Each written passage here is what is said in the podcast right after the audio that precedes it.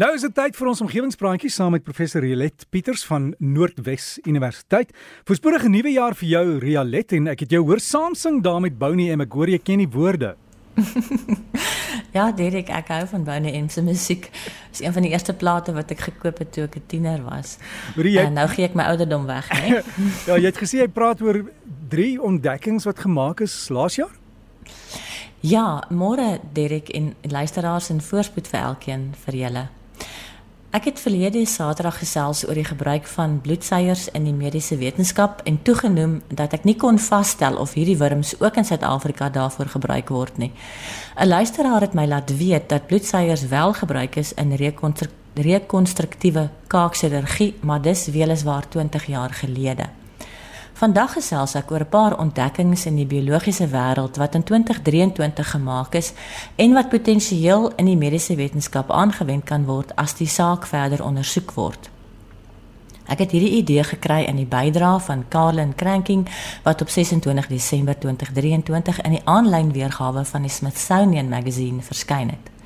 In die eerste voorbeeld speel insekte die hoofrol. Hulle is die larwes van twee van die fluweel mot spesies wat in die Amerikas aangetref word. Hierdie navorsing deur Australiërs het middelverlede jaar in die Proceedings of the National Academy of Sciences verskyn. Die larwes van hierdie motte is maar so 2.5 cm lank en het sulke lang hare wat die hele lyf bedek. Op die fotos lyk die larf kompleet soos 'n kruipende kuif tussen die hare versteek is skerp stekels en wanneer hierdie stekels jou steek, kan dit brand soos vuur.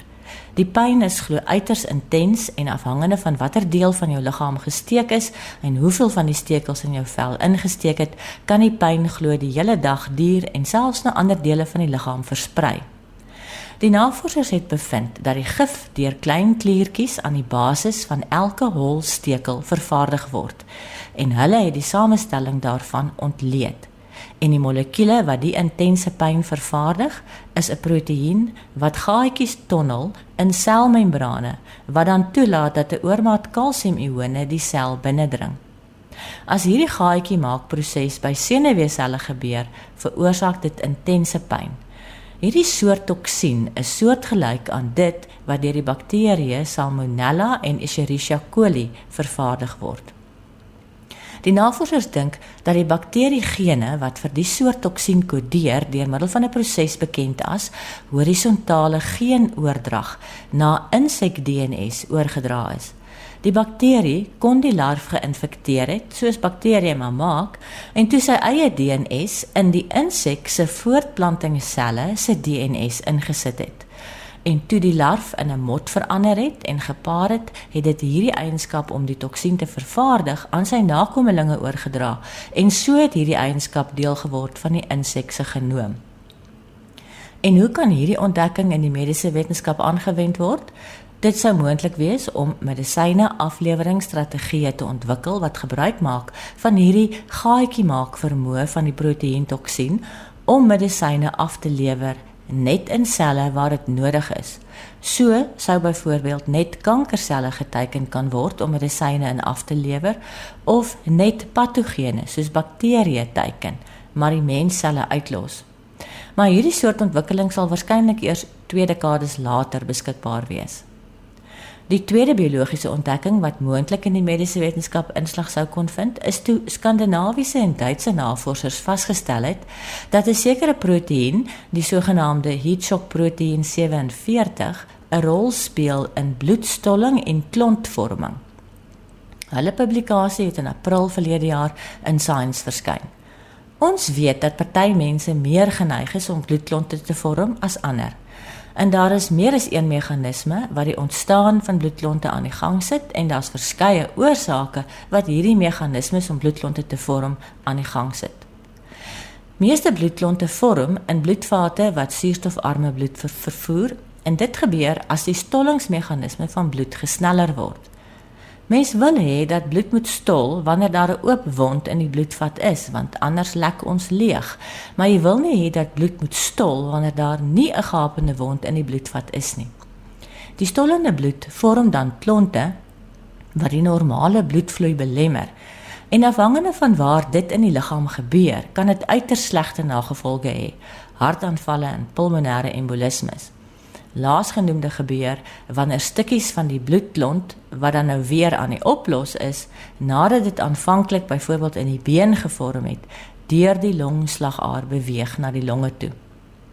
Nou, een van die oorsake van bloedklonte in mense wat daartoe geneig is, is immobiliteit. Soos wanneer mens lank stil sit in die vliegtyg tydens 'n lang buitelandse reis. In hierdie studie het die navorsers onder andere bloed versamel van skandinawiese bruinbere wat hiberneer en waar hulle enigiets van 4 tot 7 maande lank onbeweeglik is. En dit vergelyk met bloed van dieselfde bruinbere in die somer wanneer hulle aktief is. Hulle het ook pasiënte wat bedlêend is omdat hulle verlam is of in rolstoele moet sit, se bloed ondersoek. Die uiteindelike bevinding is dat in die breinbere en verlamdes wat nie bloedklonte vorm nie, al is hulle immobiel vir lang tye, het minder van hierdie heat shock proteïen 47 as wanneer die bere nie hiberneer nie of in verlamdes wat wel bloedklonte vorm omdat hulle minder beweeglik is.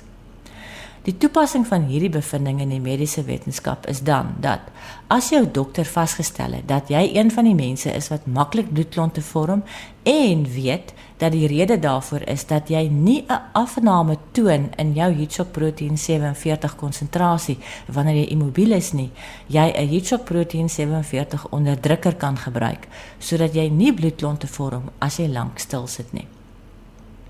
En die derde en laaste bydrae is die een wat in Mei 2023 in baie archive verskyn het en waar Amerikaanse navorsers bevind het dat die boerhoofwalvis, dis nou die tweede grootste dier op aarde naas die blou walvis en die soogdier wat die oudste word, hulle kan langer as 200 jaar leef, 'n besondere vermoë het om beskadigde DNS te herstel en dat dit waarskynlik die rede is waarom hulle minder kankers ontwikkel. Die wetenskaplikes het vasgestel dat die boerhoofwalvis meer het van twee spesiale proteïene, hier is hulle afkorting CIRBO en RPA2. Hierdie hoër konsentrasies van die proteïene het dubbelbandbreuke in DNA-stringe van boerhoofwalvisselle vinniger en beter herstel as die dubbelbandbreuke in muise en beesselle.